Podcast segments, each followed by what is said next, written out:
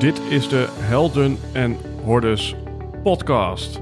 Mijn naam is Eddie en ik ga vandaag in gesprek met André Boom.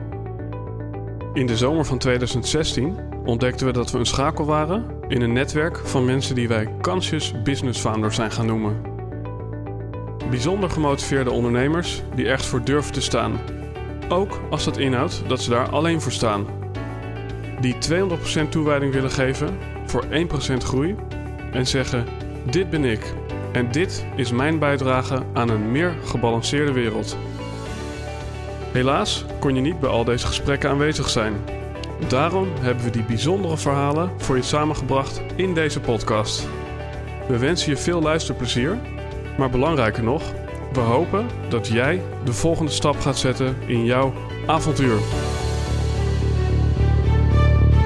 Alright, beste luisteraar, aflevering 98 met een achternaam aan tafel die je wellicht ergens van kent. Uiteraard is dit dan mijn eigen vader en waarom heeft het zo lang geduurd voordat deze aflevering in de ether ging? Want aan de metaforische keukentafel hebben wij al heel veel gesprekken gevoerd, maar nooit opgenomen. En ik herinner mezelf nog ergens een keer bij zwemles, van zover gaan we terug, dat ik aan een klasgenootje met schoolzwemmen wilde vertellen wat voor gesprek ik met mijn vader had gevoerd. En daar kwam ik eigenlijk helemaal niet uit. Nou, misschien denk ik nu over na, heeft dat bij mij een zaadje geplant om beter te leren verhalen vertellen. Maar wellicht ja, kwam daar ook het inzicht van hoe mooi zou het zijn om die bijzondere content over theosofische, filosofische en spirituele onderwerpen een keer op te slaan voor de eeuwigheid. Nou, wellicht is dit dan de eerste poging daartoe. Gebaseerd op een gesprek wat mijn vader en ik een aantal weken geleden hadden over een parabool. Wat een parabool is en wat dat te maken heeft met wellicht een mooi en goed leven leiden. Dus daar gaan we het onder andere over hebben. Verder komt er een bod waarom we het leven voorwaarts leven, maar vaak pas achteraf begrijpen. Wat angst te maken heeft met individualisme en wat mijn vader motiveert om maar liefst 75.000 kilometer hard gelopen te hebben tot nu toe. Want hij loopt nog steeds veel. Nou, dan ga ik hem ook nog officieel introduceren, maar niet voordat ik ook nog even stil staan bij het feit dat hij een schrijver is en wellicht het best bewaarde geheim van Nederland in die categorie. Want hij heeft meerdere boeken geschreven, maar niemand die dat weet. Omdat mijn vader wellicht iets minder ja, dominant aanwezig is op social media dan ik zelf. En dat resulteert er misschien in dat ja, dat hele goede laatste boek bijvoorbeeld ja, door weinig mensen gevonden of gelezen wordt. Dus kijk even in de show notes naar zijn laatste boek. En dan ga ik hem nu echt officieel introduceren. Zijn naam is dus André Boom, werkzaam als ICT-professional. En vanuit deze achtergrond wordt hij geconfronteerd met de snel aan invloed winnende mogelijkheden van informatietechnologie, internetconnectiviteit en kunstmatige intelligentie. De gevolgen van deze ontwikkeling voor mens en samenleving kunnen volgens hem alleen naar waarde worden geschat wanneer afstand wordt genomen van een eenzijdig materialistisch georiënteerd mensbeeld. Daarom is het van belang om onze kijk op het wezen van de mens zelf te veranderen. Ladies and gentlemen, aflevering 98, nog net voor de streep van 100, nog net voor het nieuwe intro. André Boom. Beste luisteraar, welkom aan boord. Bijna aflevering 100 uit mijn hoofd. Uh, volgens mij is dit op papier aflevering 100, maar voor jullie is het aflevering 99. Uh, mooi om uh, zo'n rond getal, uh, nou ja, misschien wel te vieren met, met een persoon die, die ik al iets beter ken dan jullie waarschijnlijk, namelijk mijn eigen vader. welkom aan boord. Hallo Edward. En um, ja, wat eigenlijk grappig is, um, ja, wij hebben natuurlijk al regelmatig gesprekken gevoerd die vrij filosofisch van aard waren. Mm -hmm. Uh, misschien is het zelfs zo, dat bedenk ik me nu, dat de gesprekken die wij dan onder andere ja, in de avond zo rond de afwas voerden, ja, misschien wel het opstapje waren voor mij om zo'n concept uh, als deze podcast uh, de wereld in te brengen.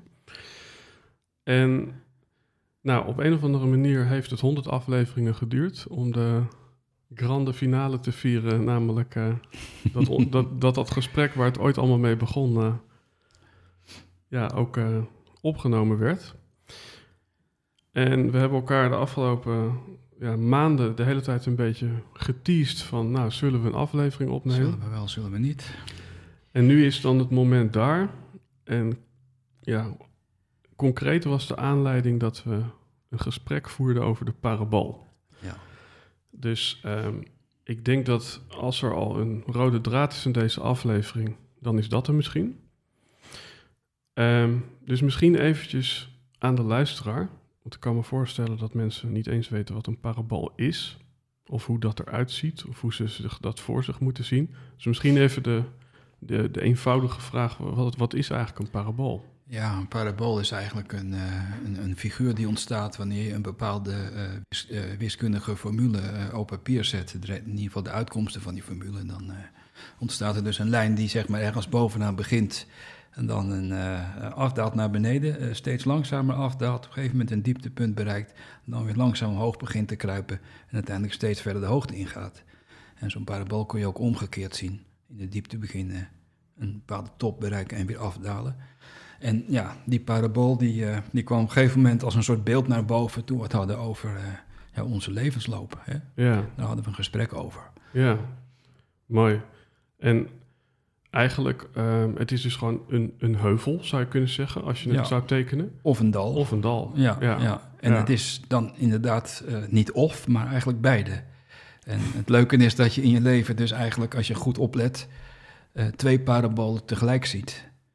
En het mooie is dan dat je die parabool die van boven naar beneden en weer terug omhoog gaat, en die andere die beneden begint en weer omhoog gaat en dan terug naar beneden, dat je die op een bepaalde manier met elkaar in evenwicht weet te brengen. Ja, Eh, want het is ook een. eh, in de wiskunde is het zo dat als je twee parabolen tegen elkaar afzet en ze zijn precies met elkaar in evenwicht, dan hou je een horizontale lijn over als, eh, als resultante. ja, mooi. En eh, Ja. dat evenwicht in je leven is heel belangrijk. En ja, goed, misschien moeten we straks maar eens gaan kijken wat die parabolen dan precies zijn. Ja.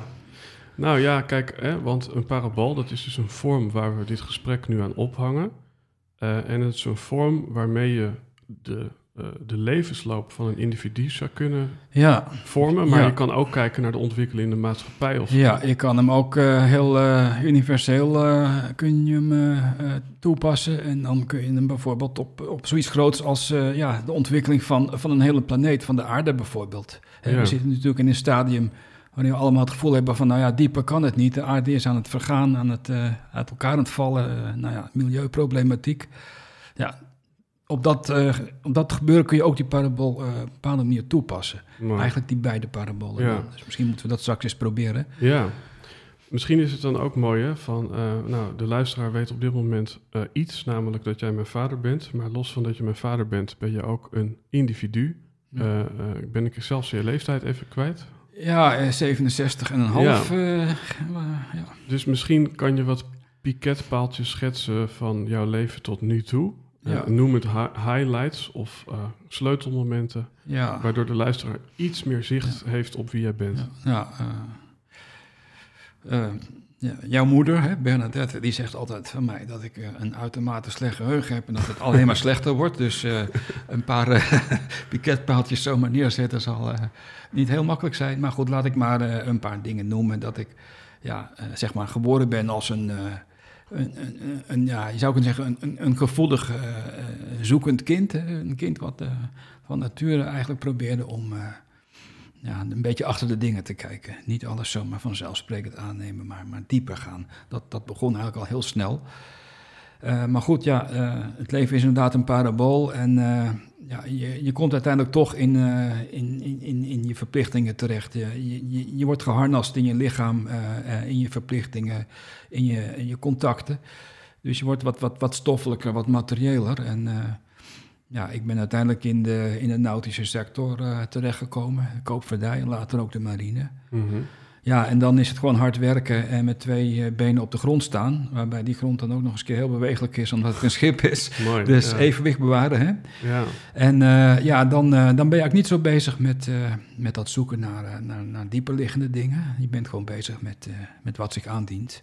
En dat is ook belangrijk. Het is ook een leerschool. Ja, want ik kan me voorstellen om daar meteen al even in te springen. Dus dan zitten we ergens op de tijdlijn rond jouw misschien 18e, 20e levensjaar. Ja, ja, toen begon dat. En zeg maar tussen mijn, mijn twintigste en dertigste heb ik in die, eh, in die eh, nautische hoek gezeten. Ja. Op zee gezeten. Want, want eigenlijk zit hier al meteen ja, een, eh, iets, iets paradoxaals. Dus binnen die, ja, noem het maar parabool, begon je dus eigenlijk behoorlijk spiritueel. Je was een spiritueel gevoelig kind. Ja, ja. Was, Nou ja. was dat dan een overcompensatie om juist die een beetje harde masculine wereld... Ik denk het wel. Ik denk wel dat, hè, dat ik als kind ja, toch wel voelde dat ik, als ik mezelf vergeleek met mijn leeftijdsgenootjes, die altijd heel goed waren in het, eh, in het voetballen en in het rondjes rondom het veld rennen. eh, dat lukte mij allemaal niet zo en daar had ik ook niet zoveel eh affiniteit mee. Maar ja, je merkte wel dat ik daardoor, ja, je zou kunnen zeggen, wat, wat boven de grond bleef zweven. mhm. En je moet uiteindelijk toch op die grond komen te staan, want daar moet je je beroep gaan uitoefenen. Daar moet je mensen ontmoeten.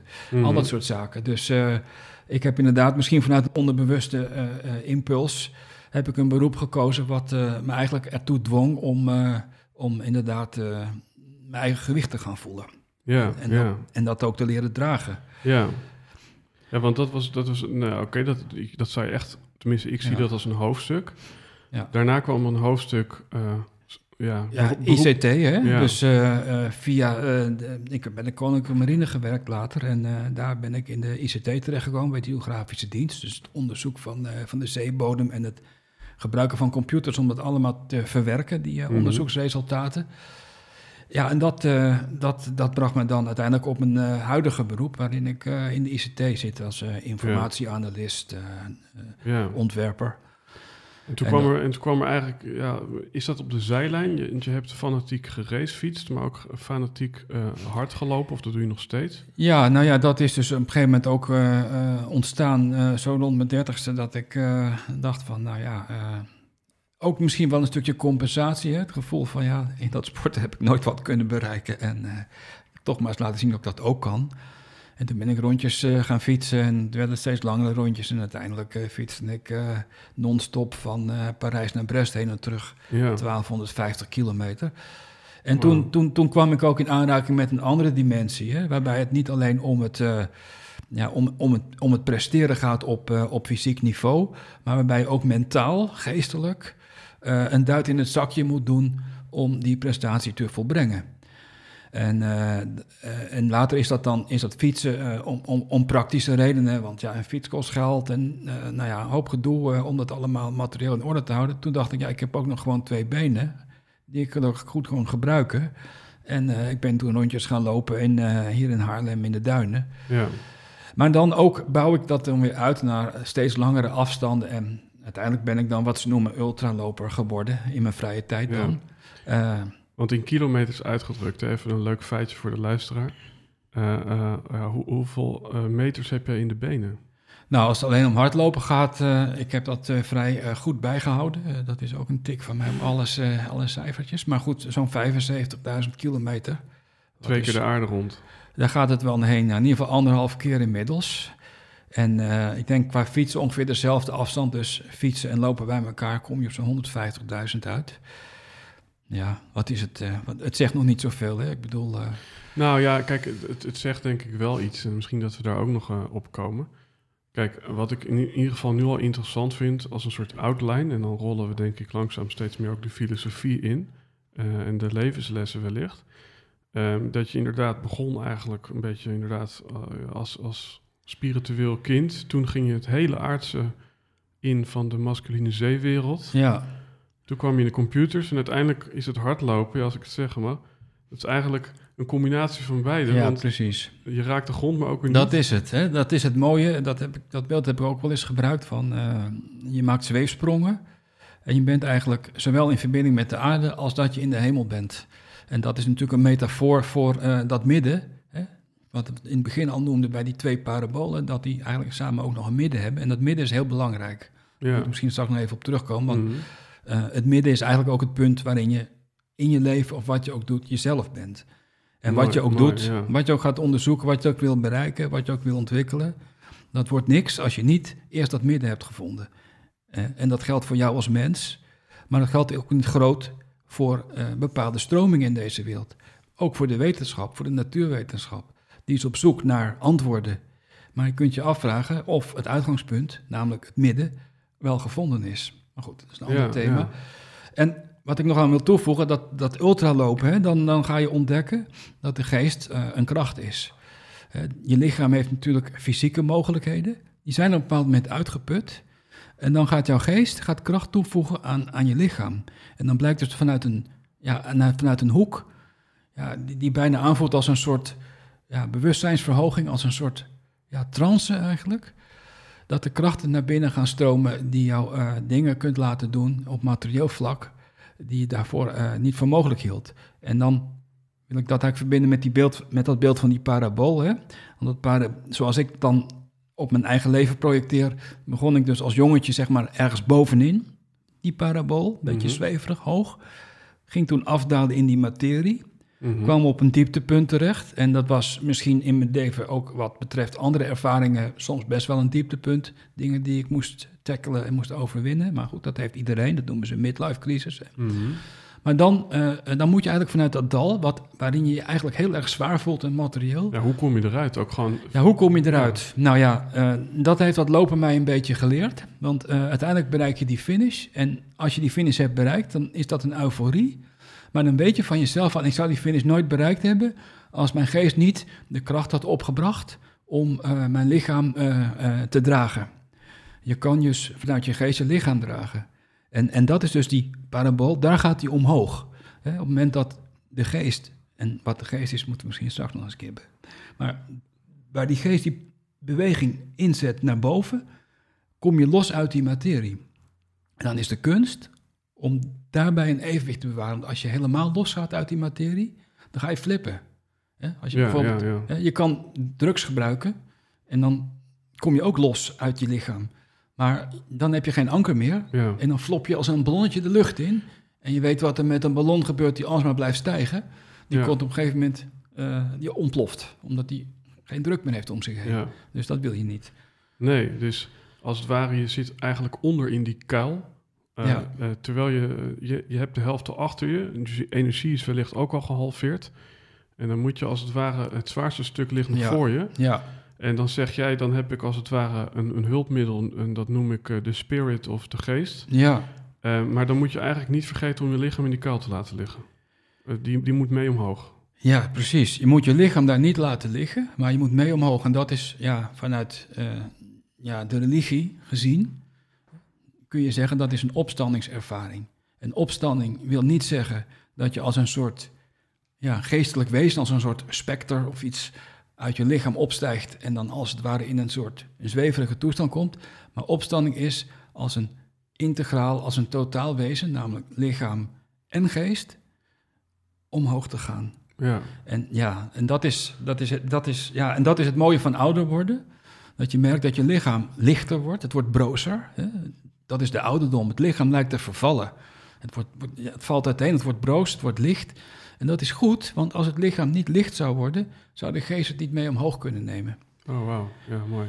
Ja. En dat is wat je in het groot nu ook ziet, hè? want uh, we zitten natuurlijk met z'n allen in, eh, in de klimaatproblematiek. Uh, uh, nou ja, er is zoveel problematiek in de wereld, dat hoeven we allemaal niet op te noemen. Maar je hebt het gevoel van hoe komen we daar ooit ook uit? Mm -hmm. en, en dan merk je dus vanuit dit beeld dat er troost is, omdat het uiteenvallen van het vertrouwde, van, het, ja. van, hè, van het stoffelijke, ook van de natuur om ons heen, wat, waar we allemaal zo van genieten en die we allemaal zo graag in stand houden.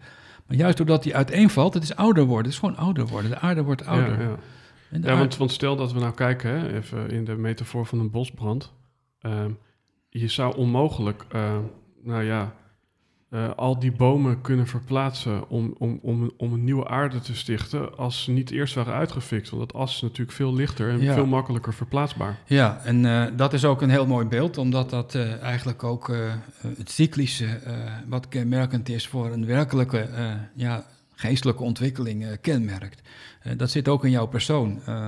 er wordt wel eens gezegd dat, dat je elke zeven jaar een cyclus doormaakt. En na mhm. die zeven jaar kom je eigenlijk weer op eenzelfde punt terug maar niet op dezelfde manier als dat je vertrokken bent. Je hebt namelijk iets geleerd, je hebt iets erbij gekregen. Mhm. Eh, en dan maak je dus zeven, in zeven jaar maak je zo'n cirkel.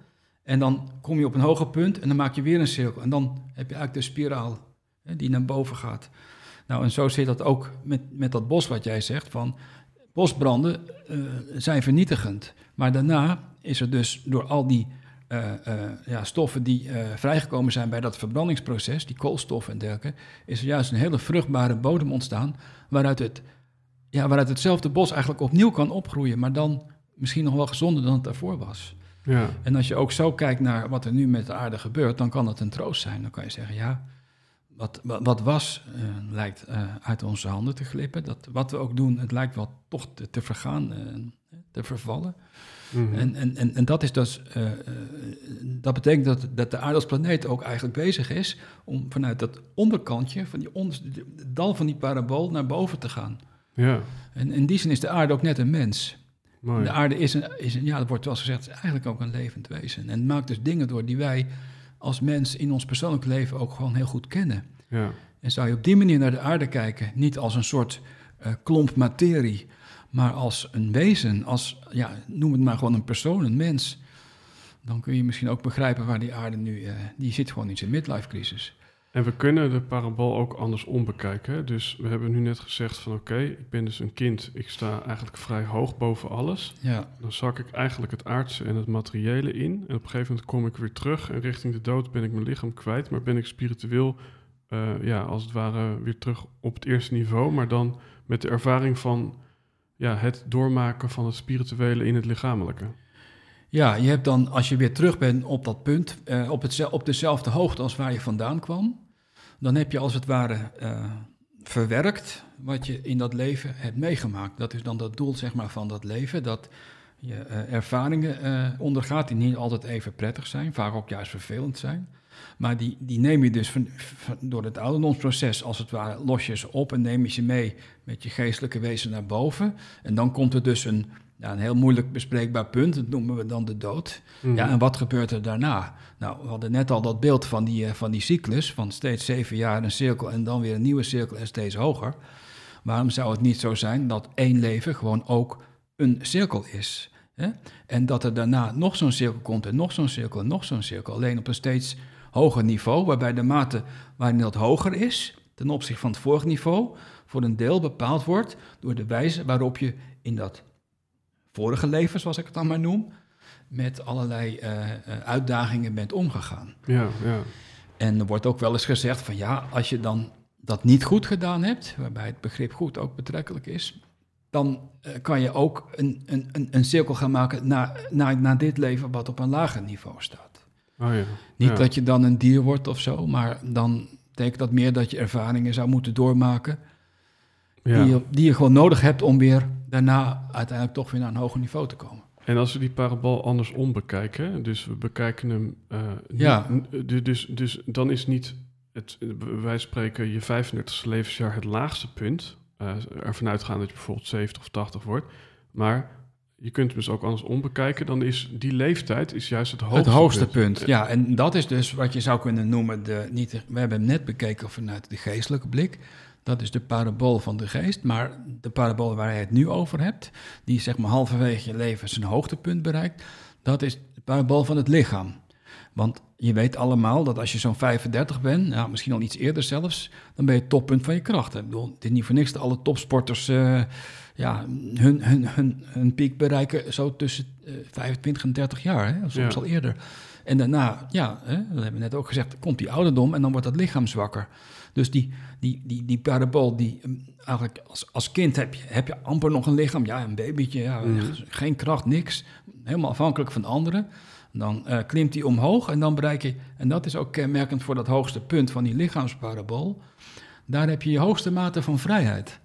Dat realiseren we ons vaak niet. Als kind heb je amper vrijheid, omdat je dan afhankelijk bent van je ouders. Hè, en, en, en, en wat je met de paplepel ingegoten wordt. Ja, Als oud mens heb je vaak ook niet meer, wat je lichaam althans betreft, de vrijheid. Je lichaam kan verzwakt zijn, je kan dement geworden zijn, eh, Ja. je kan eh, in een rolstoel zitten, je- er kan van alles gebeurd zijn. Dus je lichaam wordt dan weer een beperkende factor. ja. En, eh, dus je zou kunnen zeggen, die parabool van het lichaam, dat zou je ook de parabool van de vrijheid kunnen noemen. Mooi. Ja, want het interessante is dat eh, je zou dus kunnen stellen: een kind heeft het meest vrijheid, want die kan spelen. Je zou ook kunnen zeggen: een, een, een, ja, een bejaarde heeft het meest vrijheid, want die heeft wellicht eh, een, een potje met geld en hoeft Ja. niet meer te werken. Ja, Maar jij zegt dus. eh, en, en wat maakt dan concreet genomen dat dat midden het meest vrijheid geeft? Eh, eh, ja met, nou dan, dit, wat, wat ik met vrijheid bedoel, is dan de vrijheid om zeg maar gebruik te maken van je lichaam. Ja. En dat is een andere vorm van vrijheid dan de vrijheid om, om je spiritualiteit te ontplooien, om te kunnen zijn wie je bent, om een mening te hebben. Mhm. En, en dat, dat is een proces wat eigenlijk bij die andere eerder genoemde, ja, nu wordt het een beetje ingewikkeld parabool, eh, eh, hoort. Waarbij dus vanuit een hoogpunt om, omlaag komt, gaat die materie in en je stijgt dan op. En eh, juist door, omdat je door die materie bent gegaan en weerstand hebt moeten overwinnen, ben je in staat om jezelf te ontdekken. En ontstaat er dus een vermogen tot spirituele vrijheid. Mooi. En, en dat, het, het, het- het product van een leven is eigenlijk een hogere vorm van spirituele vrijheid. Ja. En die maak je door door eh, geklonken te worden tijdelijk aan een lichaam wat je juist beperkt. Ja, want eh, ik heb hier ook wel eens iemand aan tafel gehad die zei: Een mens leert zichzelf kennen op de grens van zijn kunnen. Ja, Eh, dus eigenlijk, als je wil weten wat je kernwaarden zijn, of Ja. als je wil weten wat je kracht is, nou, probeer dan het maximum Ja, eh, ja, qua uitputting ja, ja, of dat inspanning. klopt. Ja, dat noemen ze ook wel een drempelervaring. En een drempelervaring is eigenlijk dat je het gevoel hebt van... ik sta nu op een punt en eh, als ik zo doorga, ja, dan, dan loop ik dood. Ik, ik, ik zie niet hoe ik verder zou moeten. Het kan gewoon niet. Dit gaat mijn krachten te boven, dit gaat mijn kennis, dit gaat me alles te boven. Dat noemen ze een drempelervaring. En daar kan je in paniek van raken. Maar je kan ook eh, rustig afwachten wat er gaat gebeuren. En als je je niet verzet tegen die drempelervaring, dan merk je dat je dus achter die drempel in een andere ruimte komt, waarin je dus een stap hebt gemaakt. Ja, want die beperkingen van het lichaam, die je dan als het ware in de materie terugvindt, eh, waardoor je als het ware spiritueel groeit, wat, wat, wat maakt dan dat die beperkingen je doen groeien? Is dat dat je jezelf bijvoorbeeld leert kennen? Ja, nou ja, je zou kunnen zeggen van, eh, maar dan komen dus, eh, zeg maar, dan wordt het nog wat metafysischer. Dat want- mag, dat mag. Ja, is, eh, kijk, ehm, ik, ik wil even terug naar, eh, naar de evolutie, eh, evolutietheorie, de Mhm. evolutiegedachte en de moderne, ja, ik noem het maar natuurwetenschap, materialistische wetenschap. Hè, we kennen allemaal het beeld wat, on- wat men ontwikkeld heeft van, ja, de schepping is begonnen met een grote klap, de Big Bang. Ja, Hè, dus een soort zeer compacte materie is geëxplodeerd. En die is tijdens eh, eh, het, het snelle uitzetten daarvan hebben zich geleidelijk allerlei eh, structuren gevormd. mhm. Dat begon dan met melkwegstelsels, sterren. Om die sterren heen ontstonden planeten. Op die planeten ontstonden levensvormen. Alles werd steeds complexer. En op een bepaald moment werd die materie zo complex dat die bewustzijn kon gaan voortbrengen. Dat is zeg maar de traditionele gedachte, waarbij dus de, ja, het stoffelijke punt aan het begin staat en de mens aan het einde. Mhm. Wat je ook kan proberen is om dat denken om te keren en te zeggen van, stel nou eens dat de mens niet aan het einde stond, maar aan het begin. Dat dus de schepping begonnen is als mens. En dan moet je je voorstellen, en dat is heel moeilijk, maar we hadden net al dat beeld van de aarde is misschien wel niet een materiële bol met eh, lava en steen, maar is misschien wel een soort persoon, een levend Mhm. wezen.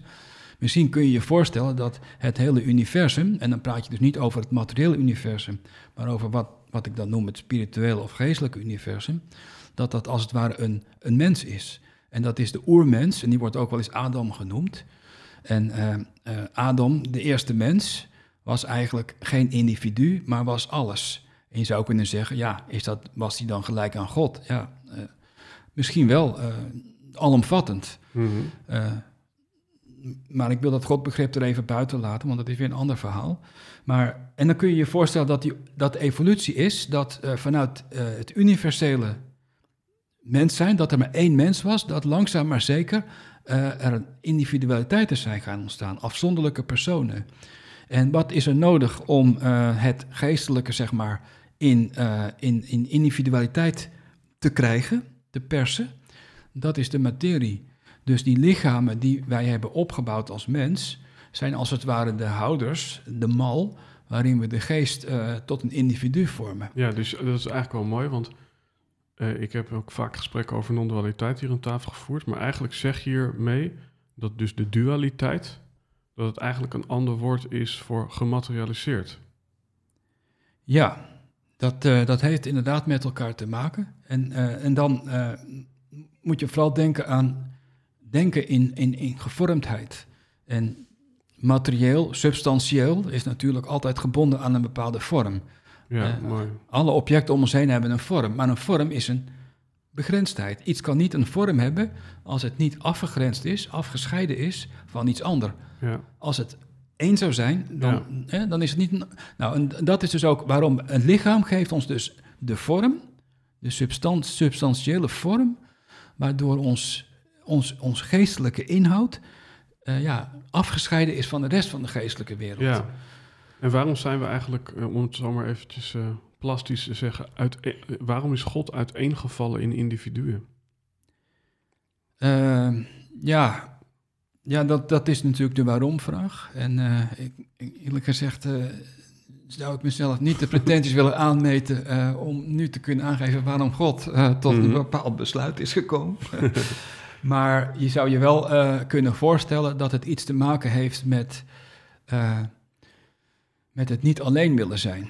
Mhm. Want eh, je zou kunnen zeggen, als jij, als jij het al bent, als jij het universum bent, dan is er ook verder niets anders dan jijzelf. Ja, dus en je- dat is het toppunt van eenzaamheid. Mooi, in het Engels heb je dus all one, maar Ja. dat is dus ook alleen. Ja, precies. En je zou kunnen zeggen, ja, God is all one, is, Mhm. maar is daardoor ook alleen. En hij, eh, hij wil eigenlijk iemand tegenover zich hebben. Ja, Om- omdat het oog zichzelf niet kan zien, zegt ze in Taoïsme. Ja, inderdaad. Ja, Ja. ja. eh, inderdaad. Eh, kijk, als je op de zon. ja, de, de zon kan zichzelf alleen maar zien in de reflectie op iets anders. Mhm. En, en, en dat. en, ja. Dus. En, en dat is ook het bijzondere. En eh, je zou kunnen zeggen van. Maar ja, God heeft eigenlijk niet zoveel aan reflecties van zichzelf. Hij wil gewoon een gelijke eh, hebben met wie die als het ware zichzelf kan, waarin hij zichzelf kan leren kennen. Door, doordat, doordat God zeg maar een wezen tegen, tegenover zich heeft dat gelijk is aan hemzelf, eh, zou hij zichzelf moeten kunnen zien en kennen. Maar dat is natuurlijk een paradox, want als God de ene is die er is, hoe kan hij dan ooit een wezen tegenover zichzelf hebben? En Ja. dat is dus het mysterie zeg maar, van, van het mens zijn, want wij hebben in ons allemaal een goddelijke vonk. Ja, Dus het, het, het universele, het al-ene, het non-duale, is, is wat wij zijn. Dat is ons wezen. Alleen op een niet universele, maar op een individuele manier. ja, En om dat individueel te kunnen laten worden en om het te laten leren eh, individu te zijn, moet het dus in een lichaam zitten. Hoe zie jij het tijdperk waar we nu in leven? Zie je dat als een individualistisch eh, tijdperk of zie je dat er juist eh, meer verbinding eh Ja, ik zie, nee, ik zie het eigenlijk meer als een, als een post-individualistisch tijdperk. Het, het, het, het, het, diepste, eh, het, het grootste individualisme hebben we langzaam maar zeker achter de rug. Mhm. En eh, dat vind je ook een klein beetje terug, eh, laten we zeggen, in het ineenstorten van, eh, van, van, ja, van dictaturen en dergelijke. Hè? Die, die langzaam maar zeker storten die in, want een dictatuur is natuurlijk het toppunt van, van individualisme, want daar staat gewoon één persoon, één individu, die daar aan de touwtjes trekt. Ja, En je ziet nu steeds meer dat, dat, dat de individuen zeg maar op, een, op eenzelfde niveau komen en, Ja. en, en gezamenlijk gaan proberen om, om vorm te geven aan, ja, aan, aan, Ja. aan, aan het land, aan het leven, aan, aan de ontwikkeling van de aarde. En, eh, dus ik, ik denk dat we post-individualistisch zijn, maar Ja. we zitten nu wel in de crisis van, eh, ja, het puin van x, Het- x jaar individualisme. het- ja, dat eigenlijk. Van, eh, eh, ja, we weten, we willen eigenlijk iets anders, maar ja, de vraag is van, wat nu? Ja, want we willen eigenlijk, hè, want dat zie je bijvoorbeeld ook, zonder om daar al te diep op in te gaan. Maar er zijn mensen die zeggen, alles wordt nu steeds communistischer. Weet je wel, de overheid gaat steeds meer bepalen, eh, eh, eh, ja, steeds meer regelgeving om de complexe wereld waarin we leven eigenlijk te handhaven. Ehm, maar we willen ook heel duidelijk terug, niet naar een soort van oud-communistisch Cubaans systeem. Ja, nou ja, dat heeft natuurlijk allemaal, volgens mij is het allemaal terug te voeren op, op, op, het, op het begrip angst. En angst heeft te maken met individualiteit. Als je geen individu bent, maar een totaal wezen, allesomvattend, dan is alles ook van jou. Dan ben jij alles. En dan Ja. is er dus geen angst. Angst ontstaat, hè, dat weet je zelf ook, op het moment dat jij je in een kamertje opsluit en de deuren sluit en de ramen dicht doet, dan is alles wat daarbuiten is, is bedreigend. Dus je creëert dus door jezelf af te, sloten, af te sluiten in, in, in een hok, creëer je angst. Ja. En dat is natuurlijk wat op, op, bij het eh, proces wat we net schetsten van hè, ontwikkelen van het individu, doordat het uit de geestelijke wereld weer, als het ware wordt afgesloten door in een lichaam te gaan zitten, dan ontstaat er angst. Dus angst heeft ermee te maken dat het individu in een lichaam zit. Ja, En de stap die wij nu moeten zetten en waar we het zo moeilijk mee hebben, is om onze individualiteit te redden uit de lichamelijkheid. Dus hoe kunnen we een individu blijven, zoals we dat geleerd hebben te zijn, met loslating van de afhankelijkheid van het lichaam en alles wat daarmee samenhangt? ja, eh, we hebben nu natuurlijk het verhaal van, van, van de corona. En dat is geen bedreiging voor het individu, maar het is wel een bedreiging voor het lichaam. Maar het individu is bang om eh, eh, het lichaam te verliezen. ja, Omdat wij niet in staat zijn om ons voor te kunnen stellen dat ook met het verlies van het lichaam het individu wat wij zijn gewoon voortbestaat. ja. Met andere woorden, welke pandemie dan ook. Ja, dus, dus eventjes even, even voor de luisteraar. Als ik mijn radio uit het raam gooi, dan is Radio 3FM nog steeds beschikbaar. Precies. Ja, ja, dat is het. ja, En, en wij moeten dus leren, eh, en, en dat is ook dat is een heel grote eh, ja, uitdaging en waar we nu met z'n allen mee bezig zijn. En daarom noem ik het post-individueel. Wij moeten dus leren om, op een, om ons individu weer te verbinden met de universaliteit. En we moeten dus leren om eh, voor te leven zonder dat we zeg maar de materie, hè, de substantie, en dat is het lichaam, maar ook de aarde, ook de planeet, ook de Mhm. natuur, daarvoor eh, nog nodig te hebben. Maar in zekere zin zien we dat ehm, ja, al gebeuren. Ik kijk nu even naar alle techniek die hier staat. Ehm, ja, eh, vroeger was iemand die rijk was, denk maar aan Dagobert Duck, die had een kelder met allemaal gouden muntjes. Die, zo, die had heel veel materie nodig om zijn rijkdom te uiten. Ja, Nou, tegenwoordig heeft iemand een telefoon, daar staan een paar bitcoins op. ja, ja, ja, maar er is dus eigenlijk geen materie meer vertegenwoordigd eh, ten aanzien van de rijkdom die sommige mensen dan materieel nog lijken te hebben. Ja, ja dat, dat klopt, maar eh, ik- ik- ja, de sociale media en de techniek eh, zijn als het ware, ik zou, zou het willen noemen, een, een, een, verkeerde voortzetting van de individualiteit. Het is een poging om die individualiteit, die zeg maar gebonden is aan het lichaam, die alleen maar als een belichaamd wezen kan bestaan, om die zeg maar eh, eh, te continueren in een nieuwe eh, lichamelijkheid, in een nieuwe gebondenheid, en dat is het lichaam van de techniek. Dus we lopen het gevaar om straks zeg maar niet meer individu te zijn in een menselijk lichaam, maar in een technologisch lichaam. En eh, de technologie eh, is iets wat eh, dermate krachtig is. Daar, daar zijn bepaalde krachten mee verbonden die eigenlijk iets anders willen dan wat wij beoogd zijn te gaan doen. Mhm. En die probeert ons dus, zeg maar, in de, ja, in de materie, verder in de materie te trekken. En als ik nog even die, die, die, die, die, die, die, die parabool neem, we hadden het erover, die begon hier, eh, zeg maar, als een geestelijke wezen, komt dan in de materie en moet dan eigenlijk omhoog gaan, terug naar de geest, met meeneming van datgene wat het individu geleerd heeft door belichaamd geweest te zijn. Nou, wat, wat er nu gebeurt is dat je dit ziet. Je gaat omlaag, je komt op het dieptepunt en je blijft even horizontaal en dan ga je verder naar beneden.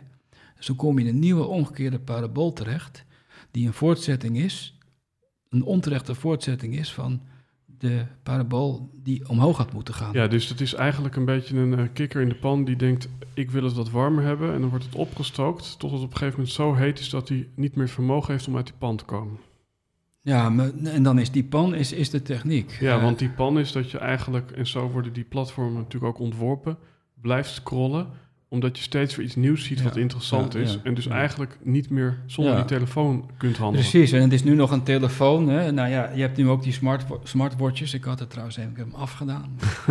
maar ja, goed, het, is allemaal niet, niet verkeerd, maar je moet, gewoon, je moet wel weten wat er speelt. En, Maar, maar het- je kan het ook, als je het optimistisch bekijkt, misschien zien als een uitnodiging om met nog sterkere tegenkrachten eigenlijk het spirituele eh, weerbaar te ja, maken. En, en ja, dat, dat is denk ik heel goed dat je dat zegt. Hè? Dat is dus toch weer dat evenwicht. We weten dat er eh, krachten zijn die ons verder omlaag willen trekken in die materie, waarbij we een ander lichaam krijgen. Niet het levende eh, vleeselijke lichaam wat we nu hebben, maar misschien in een veel verdere toekomst een soort robot, bionisch lichaam. Hè?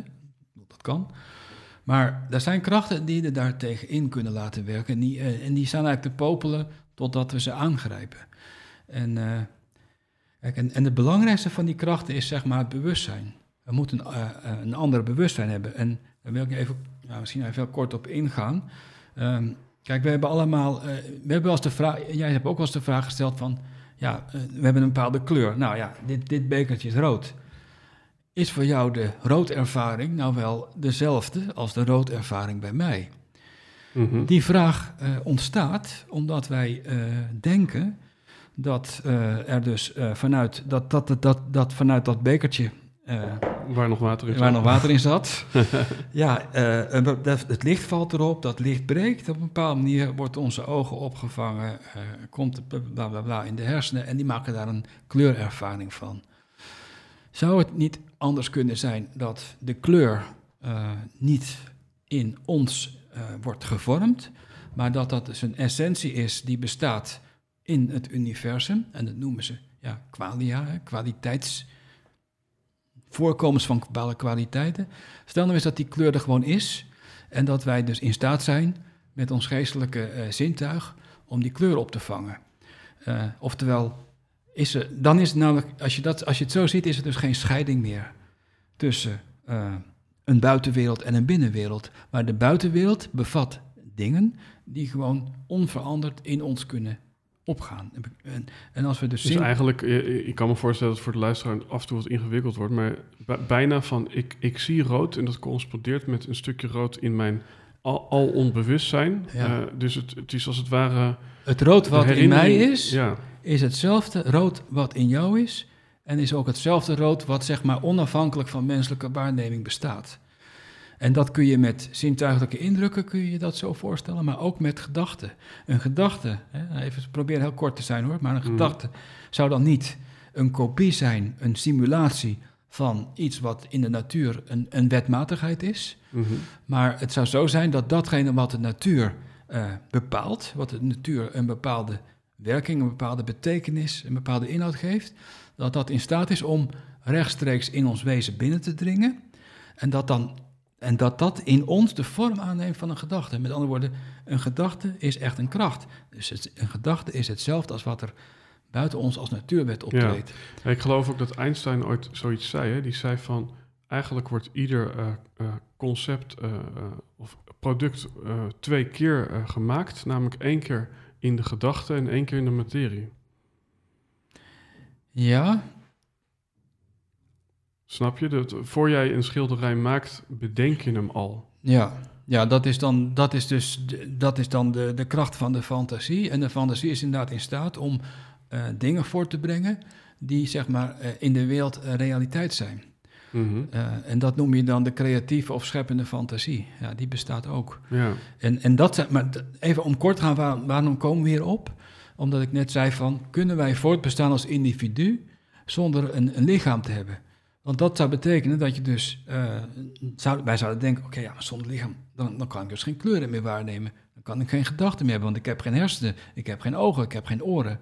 Nou, stel nou eens dat het zo is, dat je al die dingen wel hebt, ook al heb je geen lichaam.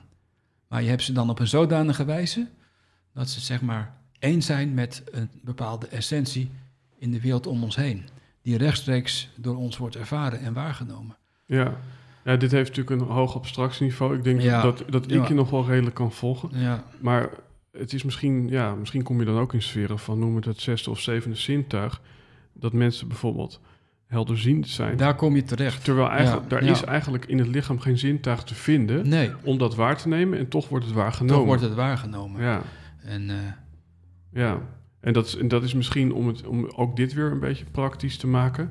Als er een tsunami is, dan rennen bepaalde dieren al het binnenland in. ja, Ehm, die ja, weten dat. Ja, die weten en, dat. En dat hebben wij als mensen soms ook. We kunnen soms een gevoel hebben van, oh, er gaat iets gebeuren. Er Ja. staat iets te gebeuren. ja, Ja, en dat, eh, dat is dus, eh, dan maken we dus eigenlijk gebruik van zintuigen die de wetenschap waarschijnlijk nooit in het lichaam zal vinden. Die dus kennelijk er wel zijn, maar niet met het lichaam te maken hebben, maar met wat we de ziel noemen. Ja? Want de ziel is eigenlijk het, het, het verbindingsgebied tussen wat we dan de substantie noemen, het lichaam, en wat we net de geest noemden. ja, Waarbij de geest eigenlijk heel moeilijk ja, voor te stellen is wat dat dan is. mhm, Dat is niet, nou ja, dat is niet een of andere eh, abstractie of een, eh, een mooi engeltje of zo. eh, dat is het niet. Maar je, kan, je komt er nog het dichtst bij als je gewoon je eigen denken observeert zonder dat je ergens over denkt. Dus eh, met andere woorden, je hebt een alert bewustzijn, een denkend bewustzijn. En het enige wat dat denken overdenkt, is datgene wat het doet. Dus je, je denkt als het ware na over je eigen denken.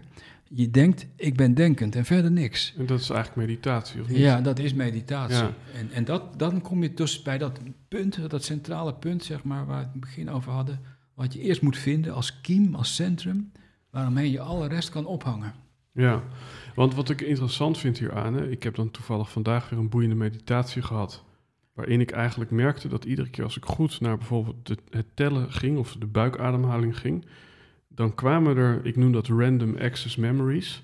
Dus als het ware willekeurige gedachten uit mijn jeugd, waarvan ik niet meer wist dat ik ze nog wist. Dus je krijgt Ja, ja. als je, alsof je een soort toegang krijgt tot, tot, tot, tot fotoboeken van vroeger waarvan je Ja. niet wist dat je ze had. Nou, wat, wat het, het opmerkelijke is, in die meditatie werd telkens gevraagd om die gedachten ook meteen weer los te laten en weer terug te komen in dat tellen of die buikademhaling.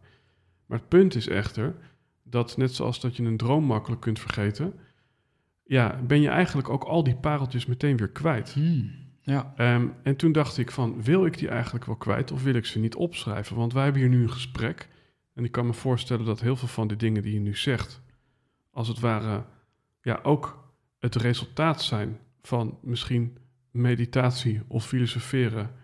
Ehm, eh, want, want, want eh, ja, nou dat, dat is heel mooi dat je dat zegt. Kijk, eh, inderdaad heb je in het leven heb je allerlei ervaringen en zijn allerlei gebeurtenissen. En die hebben heel vaak een, een random karakter. Van, ja, dan, dan zeg je van, ja, hè, moet, mij dat nou weer overkomen? Ik sta net op het punt om dit of dat te doen en dan gebeurt dat en daardoor kan het niet. Het zijn allemaal ja, fragmentarische, eh, abrupte, onverwachte, eh, ad hoc gebeurtenissen.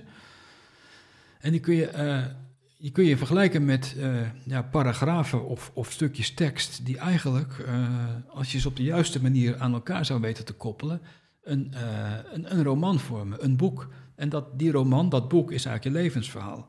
Je zou dat kunnen vergelijken met eh, een, eh, een geslepen diamant, een, een edelsteen.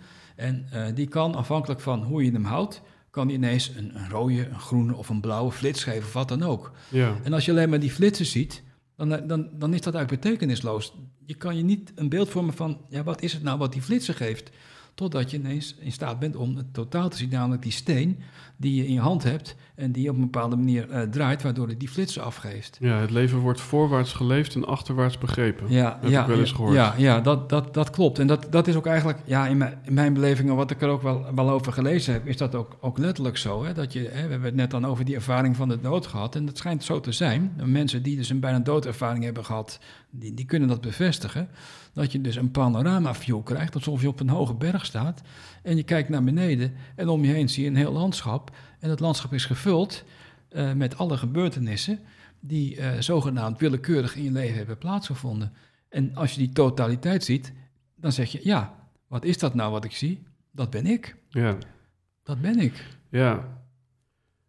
En als het voorwaarts geleefd wordt en achterwaarts begrepen, ehm, ja, dan kun je dus eigenlijk alleen maar aan het eind van je leven het boek schrijven met alle inzichten en, en ervaringen. Ja, en maar dat dan, dan, is- kan je, dan heb je er niks meer aan, want het hele idee van het boek was nou juist Ja. dat je dat als een soort van handboek kan Ja, gebruiken en- om een goed leven te leiden. Ja, en, en daarom moet je daar dus ook eh, het vermoeden aan koppelen dat er na dat leven nog iets gebeurt. Want kennelijk heb je dan dat boek en dan ga je het pas lezen.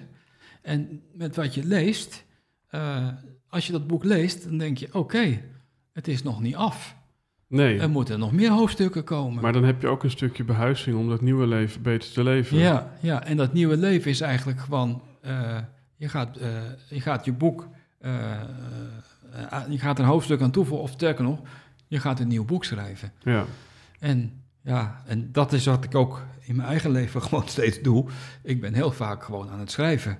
En waarom schrijf ik?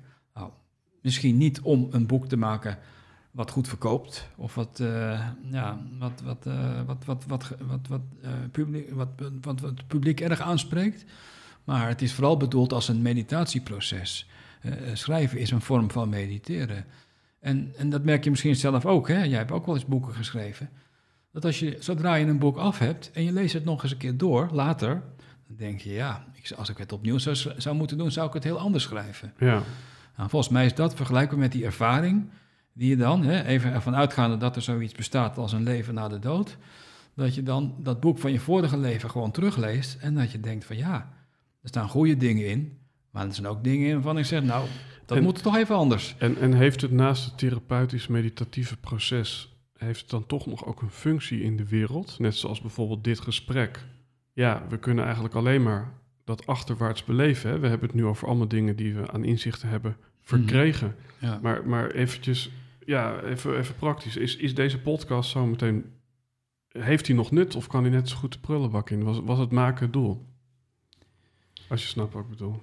Ja, ik denk dat, eh, dat, eh, dat we misschien eh, niet moeten denken, als we het over een doel hebben, moeten we niet denken aan iets wat, wat later in de tijd als resultaat van activiteit die we nu doen eh, moet plaatsvinden.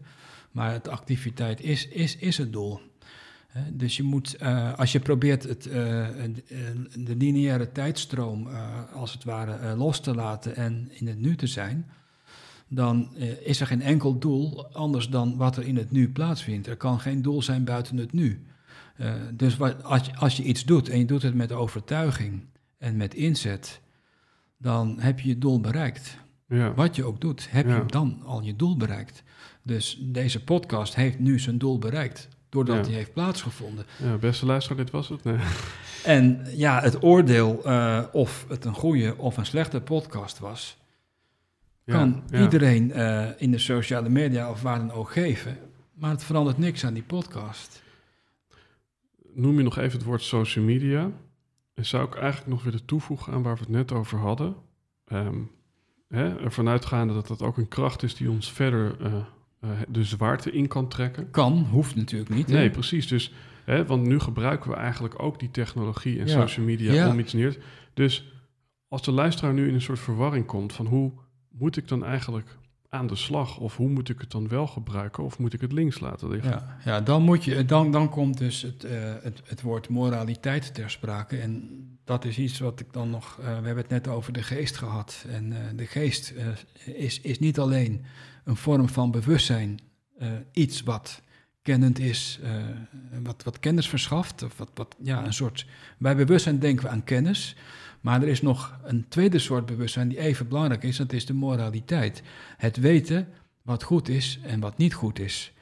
En wanneer je eh, de techniek gebruikt en je doet dat vanuit een mor- moreel, moreel principe, en eh, moreel wil zeggen dat je het niet doet eh, uit winstbejag of om jezelf zeg maar, sterker te maken ten opzichte van een ander of in een beter daglicht te plaatsen ten opzichte van een ander. Kortom, als je het niet doet vanuit gewin, eh, dan, eh, dan eh, is, is het goed.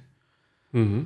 Eh, eh, Kijk, ik, ik, eh, het, wij, wij, wij, wij- we hebben het vaak over wat is goed en wat is niet goed. En dan kom je al gauw op het thema van, van goed en slecht. En eh, Mhm. ik, ik, ik, ik, ik, heb dan, eh, ik heb zoiets van, wat werkelijk, eh, wat, wat werkelijk het goede is, eh, verheft zich boven de tegenstelling goed en slecht. En eh, dat, dat heb ik een keer ervaren toen ik eh, een kind was van, eh, nou, van jongen van, van een jaar of 11, 12. Uh, mijn ouders op vakantie was in een bos, Mhm. in zo'n boshutje. En toen ben ik op een gegeven moment in mijn eentje door dat bos gaan wandelen. En eh, toch al een beetje dat zwerversinstinct wat ik over toen nog steeds heb. En toen kwam ik ineens op een open plek. En die bomen die om me heen stonden, die, ja, die, die leken zich te openen. En ik keek uit over een landschap in de felle blakende zon. Met op de achtergrond een mooie wolkenbank met van die witte stapelwolken. En dat was een maisveld. En door de, zon, eh, de warmte van de zon ja, golfde dat en tintelde dat. Dus ik zag een hele ja, golvende, tintelende wereld. En kennelijk opende dat iets in mij. En kwam ik in een soort ja, ziensverrukking. Of een bewustzijnsverhoging, of hoe je het ook noemen wil. En toen had ik ineens het idee, ik kon alles overzien. En alles was goed. Alles was goed zoals het was. En uh, ik weet niet of jij wel eens van uh, het boek Genesis in de Bijbel hebt gehoord. Wel daar, gehoord. Daar, daar wordt het, het scheppingsverhaal beschreven alsof het dan in zeven dagen heeft plaatsgevonden.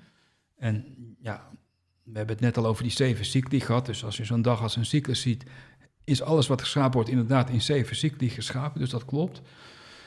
Maar aan het eind van de zevende cyclus zeg, uh, kwam God tot rust, stopte die met scheppen en hij zag dat het goed was. Ja. En daar gaat het om. Uh, alles is, als je het op de juiste manier opvat en in de juiste context plaatst, is op een bepaalde manier goed. Mm -hmm. Dus niets is absoluut slecht of absoluut niet slecht. Ja, en daar kan natuurlijk ook, hè, want dat vind ik dan binnen het aardse interessant, een stukje nihilisme optreden van, oh, het maakt niet uit hoe ik social media gebruik, het maakt niet uit of ik rook of drink of iemand... Ja, maar het maakt dus wel uit. Ja. Hè, waarom maakt het wat uit? Omdat alles wat je doet zijn sporen nalaat. Het laat zijn sporen na in de wereld en doet wat met de wereld later, uh, uh, wat, wat, onze, wat onze kinderen en kleinkinderen Ja. en nageslacht moet, moet tackelen. Maar het doet ook wat met onszelf. Maar zou je vanuit die, dat, dat eenheidsbewustzijn wat jij op je elfde had, zou je ook dat kunnen zien als het dan allemaal toch gebeurt als het goede? Ja, ja ik kwam toen heel dicht bij, uh, bij de ervaring uh, van uh, zoals ik nu de dingen beleef, beleef ik het goede. En het goede ziet ook het, het, het, ja, het, het goede sluit niet zijn ogen voor het kwade. Het ziet ook het kwade, het ziet ook het slechte. Het ziet ook de rampen en, en het ongeluk van mensen. Maar het ziet het op een zodanige wijze dat het in al die dingen uh, iets van troost ziet. Het ziet namelijk in al die dingen uh, dat het niet het einde is, maar dat het een, doorgangs, een doorgangsluik is naar iets wat erachter ligt. Ja. En wat zeg maar, zich verheft boven wat goed is en wat slecht. Ja, mooi. Ik heb natuurlijk met Koos Jansson gesproken van een cursus en wonderen. En die aflevering heet Ik zie alleen de liefde hier. Ja, en dat is het eigenlijk. Ja, dat, ik vind het woord liefde vind ik een heel uh, zwaar woord, omdat het op allerlei manieren misbruikt is. Maar ja, je komt dan wel op, op het punt van de spirituele liefde uit. En uh, ja, in, in, in, Paulus die heeft een brief geschreven, het staat ergens in de Bijbel. Die, die beschrijft dan de liefde ook van de, de, de, liefde, de liefde verdraagt alles, de liefde ondergaat alles. De liefde strijdt niet. Nou ja, allemaal van die dingen van wel een helder oog voor de dingen hebben, niet wegkijken, maar ook niet uh, categoriseren, niet in hokjes plaatsen en niet uh, op een sympathieke of asympathieke manier proberen te reageren. En dat vind ik dus het probleem met de sociale media. Het is eigenlijk alleen maar sympathie en antipathie. Mm -hmm. ik, ik zou je nog een, een vraag willen stellen over, uh, dan komen we toch een beetje terug waar we begonnen bij de parabool. Uh, uh, ervan uitgaande dat jij dus inderdaad nu uit die kuil bent geklommen met 150.000 kilometer in jouw geval. dus het was een flinke kuil. Maar, maar goed, hè, uh, los van dat alles weer legbaar is en dat jij niet de waarheid in pacht hebt of wat dan ook. Nee. Nu sta je dan toch waarschijnlijk weer wat hoger in die parabool, uh, gezien jouw leeftijd en je levenservaring.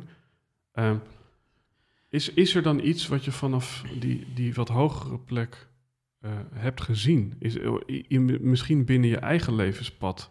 Nou ja, wat, wat, wat ik vooral, uh, vooral heb gezien is dat je uh, nooit kunt zeggen, op welk moment dan ook, dat je een hoger niveau hebt bereikt. Want jij, ja, ja, ja, je gaf net aan van jij staat op een hoger punt. Nou, dat is dus gewoon niet zo. Maar je hebt wel het vermogen gekregen om je telkens opnieuw, en dat moet je telkens opnieuw doen, tot een hoger punt te verheffen. Dat betekent dat je nooit, je, je, je staat nooit op een hoger punt. Dat kan niet. Het is niet zo dat je op een trap klimt En dat je op een gegeven moment zegt van nou, ik heb nu tien treden eh, eh, naar boven en ik sta tien treden hoger dan iemand die nog op de eerste treden staat. Het, is meer zo dat je een, een talent hebt ontwikkeld, een vermogen, om, maar daar moet je iedere keer weer opnieuw inspanning voor doen om op een hoger niveau te komen. Dus eh, je hebt als het ware meer potentiële energie om als je springt hoger te komen dan daarvoor.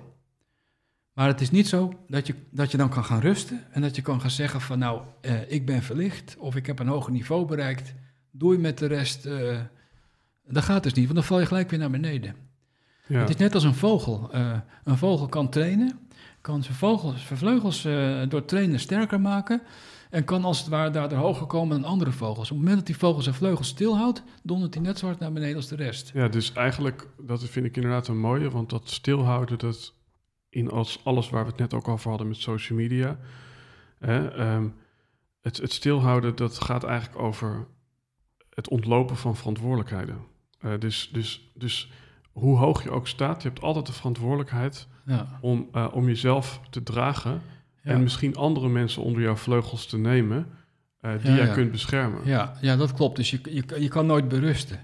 Nee, Je- Dat wil zeggen, je mag wel berusten in je lotgevallen, maar je mag nooit berusten in je eigen situatie, in je eigen stadium. Van, eh, ja, je bent, wij zijn eigenlijk vissen, hè? dus we zwemmen door, jij zou kunnen zeggen, een geestelijke wereld. Dat is gewoon een, een oerzee, een oceaan, en daar zwemmen we in. En als wij niet zwemmen, dan eh, zakken we omlaag. Eh, En onze ontwikkeling is eigenlijk gewoon dat we steeds beter leren zwemmen in, in, in die geestelijke oceaan. ja. En dat we dus uiteindelijk in staat zijn om binnen, door ons talent, eh, ja, hoger op te stijgen. Maar we moeten wel actief blijven. Ja, dus eigenlijk door het dan toch aardse, het lichaam of het talent of de competentie Ja. of de kracht die we hebben opgebouwd, Ja. zijn we in staat om als het ware hoger te vliegen en daarmee Ja. over die muur te kijken die dan misschien Ja, eh, de spiritualiteit heet, waardoor we eigenlijk ja steeds precies. meer kunnen waarnemen. Kijk, die vogel, eh, waarom, zou- waarom, hij valt naar beneden als hij niet vliegt, omdat hij gewicht heeft. Als wij altijd aan die top van die parabool waren gebleven, dan zouden we nooit gewicht hebben gehad. Dan zouden we altijd wel een engeltje geweest zijn, daar ergens bij God, maar we zouden nooit gewicht hebben gehad. Door gewicht te hebben, hebben we de krachten leren ontwikkelen om ons te verheffen uit die materie, om de zwaartekracht te overwinnen. En dat zijn dus de krachten die eh, ons, ook al hebben we geen gewicht meer, helpen om op eigen, eh, eh, door eigen activiteit ons te verheffen. En Ja. dat is dus het wezen wat wij moeten worden. Wij moeten dus aan de materie krachten ontwikkelen, die we in geestelijke zin gebruiken kunnen als vleugels. Dan kom je dus op het idee van engelen, hè? die hebben vleugels Mooi. Ja. om ons in die geestelijke wereld te verheffen. Dus dat is eigenlijk wat wij moeten worden. Wij moeten dus engelen worden met krachtige vleugels. ja. ja. Dat is het. Ja, en ehm, dan kan ik me ook nog voorstellen, ehm, je, je, je vliegt steeds eh, eh, hoger en dat is ook weer mooi metaforisch, maar je mag ook weer niet boven jezelf uitvliegen. Ja, Want dat is weer het ego die dan op een gegeven moment denkt, ik heb Ja. het nu begrepen, Ja. want ik heb dingen over die muur gezien die jij niet hebt gezien. Dat is dus het grote gevaar. eh, dat en dat dus- is wat je net ook zei met Ja. het individualisme Ja. mee naar boven nemen in die Ja. parabool. En dat is heel mooi eh, dat je dat zo zegt, want dan kom je bij dat evenwicht uit. Hè? We hebben net al het gevaar genoemd van te diep wegzakken, dus in die materie vallen. En dat kan gebeuren eh, onder andere door je op een verkeerde manier te verbinden met de techniek en door niet moreel te zijn. Maar er is ook een ander gevaar, dat je als het ware als een zeepbel te hoog opstijgt. Hè, dat is dus weer die ballon waar we het al over hadden. Als jij zonder de juiste krachten, eh, eh, spirituele krachten ontwikkeld te hebben, te veel opstijgt, ja, dan, dan, dan, dan ontplof je. Dan, dat is het beeld hè, van Icarus. Icarus die eh, had zichzelf met was ja vleugels mooi. aangeplakt en die vloog omhoog naar de zon. Maar ja, toen smolt die was natuurlijk door die warmte van de zon en hij donderde om, hij, hij Ja. stortte neer. Maar te dicht bij de grond, dat, had, dat kon ook niet, geloof ik. Nee, dat is het beeld van de slang. Hè? Eh, Nee, maar was het niet in dat Icarus-verhaal ook Oh. dat als je, als Ja, je ja. te dicht bij de grond blijft met die wassen vleugels, dan, Oh. daar zat ook een nadeel aan verbonden. Ja, ik, ik zou me kunnen voorstellen dat als je dus te dicht bij de grond staat, dat het dan te koud is. En dat die was dus verhard en verstart, waardoor die vleugels niet meer kunnen bewegen. Ja, mooi. en, eh, Hoofdstuk 2 van Icarus is zojuist geschreven. ja, dus Dus te hoog is niet goed, te laag is niet goed, maar het midden is eigenlijk waar het om gaat. En in het midden blijvend je eigen talenten, en dan bedoel ik wel je morele talenten, je spirituele talenten steeds meer verdiepen. Dan maak je eigenlijk de juiste ontwikkeling door. En dat klinkt allemaal heel mooi en prachtig, maar Mhm. het, het blijft vaak een theorie. Hè? En doe het maar. En dat is dus. Ja, En je wordt gedwongen om het te doen omdat je een lotgeval hebt. In het leven dus tegenslagen hebt. ja. En dan moet je wel.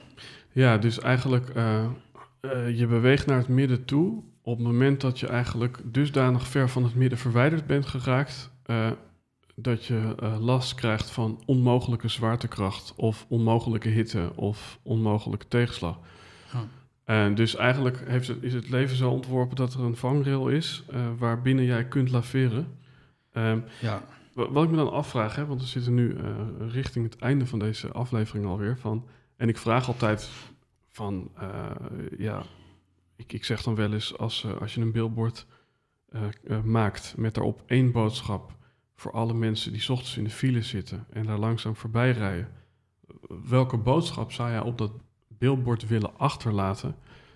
Ehm, misschien ook een beetje terugkijkend ja, in je eigen sporen van is er een inzicht of een levensles die je wellicht aan jonge luisteraars zou willen meegeven, kijkend naar je eigen avontuur?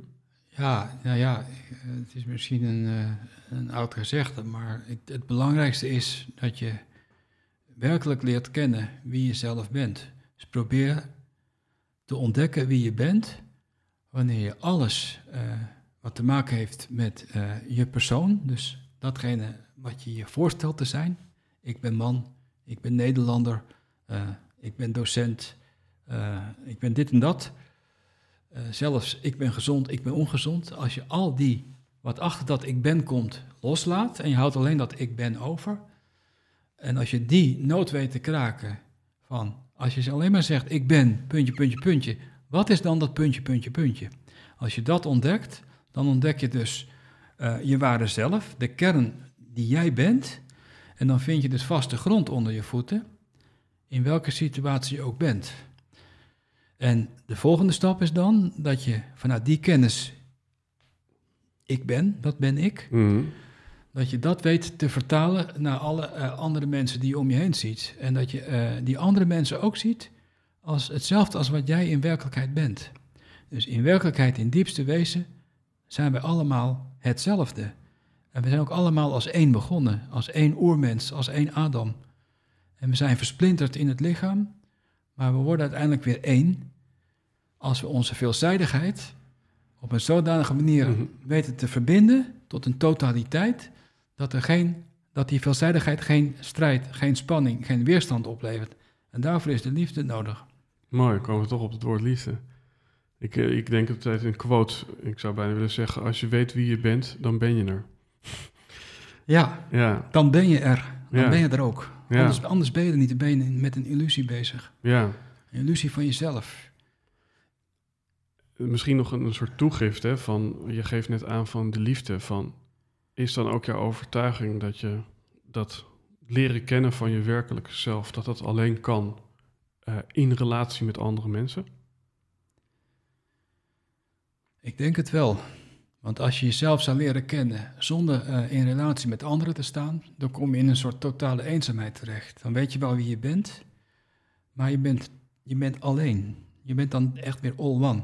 Ja, En door eh, andere mensen te ontdekken als zijnde net zo alleen als jij, word je een gemeenschap waarin je niet meer alleen bent. ja, Hè, dus, dus ik denk dat eh, de- de- het, het gevaar eh, van eh, te veel eh, in jezelf duiken en eh, jezelf willen vinden, is het narcisme. ja. Ja, dus ook daar is het weer dat midden tussen enerzijds het narcistische en anderzijds het Ja. misschien wel nihilistische van mijn leven doet er ook niet toe, want Ja. we zijn allemaal één. ja, nou ja, dat is wat, wat de Bijbel misschien ook zegt. En, eh, het, gaat niet altijd, dat, het gaat niet om de Bijbel, maar het, dat, dat, dat staan toch wel dingen in waar je zegt, ja, dat, dat, dat, daar kan ik wat mee. Hè? Als er staat van, eh, heb uw naaste lief als uzelf, dan is dat eigenlijk het antwoord op die vraag. Hè? Van, dus het gaat er niet om dat je jezelf eh, lief hebt, maar je moet de naaste lief hebben, maar dan wel als jezelf. En hoe kan dat? Dat kan alleen maar als je weet wie je zelf bent. Ja. Dus heb datgene lief in je naaste waarin die, net als jij, ja, zo'n zoekende persoon is. Die Ja. probeert zich te ontwikkelen en probeert daar te komen waar je ook probeert te komen. Ja. En we doen het allemaal langs een andere weg. Maar dat wil niet zeggen dat we elkaars vijanden of concurrenten zijn. Want we moeten uiteindelijk allemaal op hetzelfde punt uitkomen. Mhm. En uiteindelijk moeten we weer verzameld worden in één kamer, in één ruimte. We komen weer bij elkaar. En Mhm. al- alles wat dat in de weg staat, en dat is ook het nationalisme, het verdelen van landen in naties, die allemaal eh, ja, hun eigen identiteit proberen te handhaven en hun eigen traditie en noem maar op. Ja, dat voorkomt gewoon het bij elkaar komen. Dat staat dus de werking van die liefde in de weg. Ja. En ja, zonder die liefde, hoe abstract dat soms ook kan Ja. lijken, Dus, dus, dus, dus er schuilt in die zin ook iets paradoxaals in eh, eh, Go- God bless the United States of, Tuurlijk. of America. Ja, want- ja, ja nou dat, eh, ik denk dat er geen God is die zijn zegen aan één land of één voetbalclub of één persoon zal geven. nee, nee. Die geeft hooguit zijn zegen aan alles wat een land, een voetbalclub of een persoon doet in het kader van het geheel. Ja. Zonder voor zichzelf bezig te zijn. ja, dus dat vind ik ook wel een mooie afsluiter. Van, ja, in het kader van het geheel mag je best van jezelf houden. Ja, Ja. natuurlijk. Ja. ja. Kijk, eh, zonder jouzelf is er ook geen geheel. Nee. En ehm, dan nog een allerlaatste afslag, want ik denk dat ehm, in het intro van deze podcast eh, zit ook voor mensen die eh 1% eh, groei willen maken en daar alles voor over hebben. Ehm, ja, jij hebt natuurlijk ongeëvenaard ja, doorzettingsvermogen getoond als het gaat om hardlopen, maar ook als het gaat om de hoeveelheid woorden die je wellicht hebt geschreven. Je hebt wel eens een eh, hardlooptocht gedaan in Duitsland, die 's ochtends om zes uur in een paardenstal begon. En s'avonds eh om acht uur ging je pas over de finish. Dus dan had je 14 uur achter elkaar gelopen. Is, is daar nog een soort van inzicht of ja, een, een tip om wellicht verder te komen, eh, meer uit het leven te halen en meer uit je potentieel te halen dan je wellicht voor ogen had? Wat je kunt meegeven aan mensen Ja. die luisteren. Nou ja, ik, eh, wat de les die ik uit dat hardlopen heb geleerd is dat eh, ik heb best wel wat lopen gehad waarbij ik de finish niet bereikte. Dat heet dan DNF, did not finish. En dan moet je ergens in een auto stappen en dan word je door de organisatie naar de finish gebracht. Maar al die lopen waarbij ik niet finishte, dat waren die lopen waarbij ik te veel aan de finish dacht. Ja, in plaats van aan het lopen. Ja, want, want dat is heel grappig dat je dat zegt. Zo'n boekje van Seth Godin, dat gaat over marketing, maar dat heet De Dip. En als ondertitel waarom de meeste hardlopers eh eh, tien minuten voor de finish afhaken. En dat was Ja. dan omdat er nog geen publiek was om je aan te moedigen, maar wel de fysieke pijn Mhm, die, het, die het hoog. Ja. En ehm, nou ja, ik, ik, ik, ik denk dat het een hele mooie is, omdat je inderdaad op het moment dat je gaat fantaseren over alle beren op de weg, ja, dan kan je er nauwelijks nog doorheen eh, passeren, omdat er zoveel beren zijn. ja. Ehm, volgens mij kunnen wij nog wel wat langer praten, maar dat doen we niet. Ehm, ik denk dat het een vrij ronde aflevering is en dat we nu weer aan de bovenkant van die parabool staan. Is er dan, eh, hè, we hebben natuurlijk een show note, dus een stukje tekst eh, met de links naar ja. besproken zaken in deze aflevering. Wellicht is het leuk voor de luisteraar om enerzijds een kijkje te nemen op jouw hardloopblog. Dus zou je die URL willen geven voor de luisteraar? Uh, www.bitmirun aan elkaar vast. Met een D? .nl. B-I-D-M-E-R-U-N.nl. Ja, Het is een quote uit Shakespeare, geloof ik. en nu heb je net een soort negatieve zelfpromotie gedaan over de boeken die je hebt gemaakt. Maar je hebt er wel een paar gemaakt. Is er wellicht ook nog iets rondom jouw spirituele groei of een boek wat je wil uitlichten? Wat mensen Ja, nou ja, ik, eh, ik heb een boek eh, dat heet Illusie en Werkelijkheid. Eh, dat ligt onder andere in die thema's die we net besproken hebben. En dat is onder andere te koop in de boekhandel, maar ook bijvoorbeeld bij, bij bol.com of andere online sites. Dus andere, ah, en, dus ik schrijf onder het synoniem Andreas Boom. Mhm. En het heet Illusie en Werkelijkheid. En dat kun je gewoon opzoeken. En ik ben eh, inmiddels nog met een, eh, met een vervolg bezig. Dus dat eh, Mooi. hoop ik ergens deze winter, komende winter, te kunnen publiceren. Nou ja, het is nu, dat is altijd grappig, een wet van de gelijke getallen. Dat schijnt ook iets te betekenen. Het is nu op, op het apparaat, is het nu 11, 11, 11 op het moment dat ik op stop wil drukken. Of 1, 11, 11 moet ik zeggen. Ja, Ehm, nou ja, en, ik wou jou nog bedanken voor de ambiance die je hebt gecreëerd, waardoor het Ja. in wisselwerking met elkaar mogelijk is om toch dit soort ingewikkelde ja, thema's eh, enigszins vorm te geven, zodat ze nog eh, ja, beluisterbaar zijn en begrijpbaar zijn, hoop ik. Nou ja, en dat, ik heb natuurlijk al heel vaak de neiging gehad om te denken van, oh, wat we toen hadden besproken, net zoals inderdaad een droom, waarvan je denkt, wauw, dat was een fantastische droom, en je wordt wakker en hij is weg. Ja, Nou, deze droom die hebben we tot leven gebracht. Ehm, ik denk dat, eh, dat het mooi is om af te sluiten met, eh, met nog een bonus. Wellicht kunnen we eh, een prijsvraag maken, die bedenk ik dan nog voor de social media. En een antwoord op een zekere vraag resulteert dan in een gesigneerd boek van jou. Dat is misschien leuk. leuk plan. Ja. Ehm, dan voor de luisteraar, als je over deze misschien wel filosofische aflevering tot nu toe wilt meepraten, ehm, dan kan dat eh, door een reactie achter te laten op YouTube. Vergeet ook zeker niet te abonneren. Hashtag Helden en Hordes op Instagram, Twitter en Facebook. Eh, nou, wij zien elkaar zo meteen eh, nog onder het genot van Chinees, geloof ik. ja, Indonesisch eten, ja. Oké, dus eh, voor de mensen die tot hier zijn gekomen, dank jullie wel. En dan, ja. Jij ook bedankt. en dan rond ik hem hiermee af.